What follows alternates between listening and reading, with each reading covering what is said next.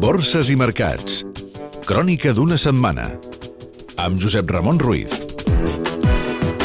L'aprovació en el Parlament grec del nou paquet de mesures d'austeritat del govern Papandreou i dels detalls per a la seva implementació han marcat una setmana bursària positiva.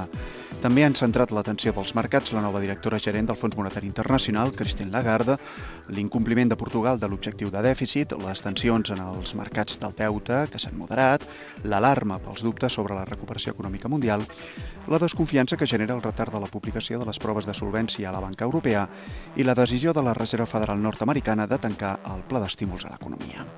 Aquí, després que s'ha moderat una prima de risc que ha arribat a marcar màxims des de 1996, l'IBEX 35 de dilluns a divendres ha pujat un 6,75% i se situa en els 10.492 punts després de tancar el semestre també amb guanys.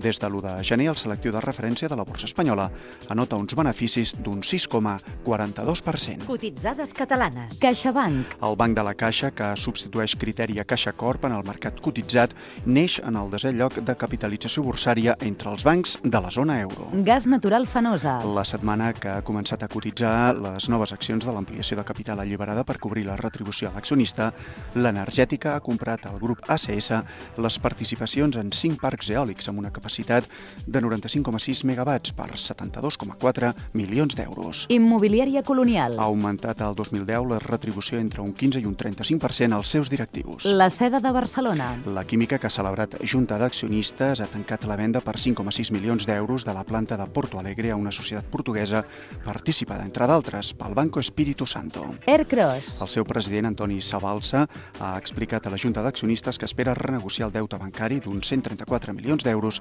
en un parell de setmanes. L'euro.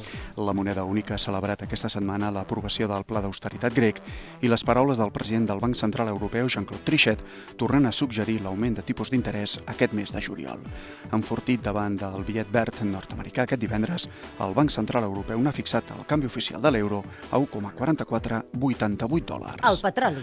El futur del barril de cru tipus Brent, el de referència a Europa per a fixar el cost dels combustibles, s'ha encarit fins als 112 dòlars i mig per la debilitat de la moneda nord-americana i després que les reserves setmanals de cru i gasolines han baixat als Estats Units també perquè l'OPEP, l'Organització de Països Productors, ha dit que amb l'actual nivell de producció mundial de cru ja n'hi ha prou. Vocabulari financer. La fiscalitat de les accions. Els accionistes que han rebut dividends o primes d'assistència a les juntes han de pagar en la declaració de la renda un tipus de fins a un 21%.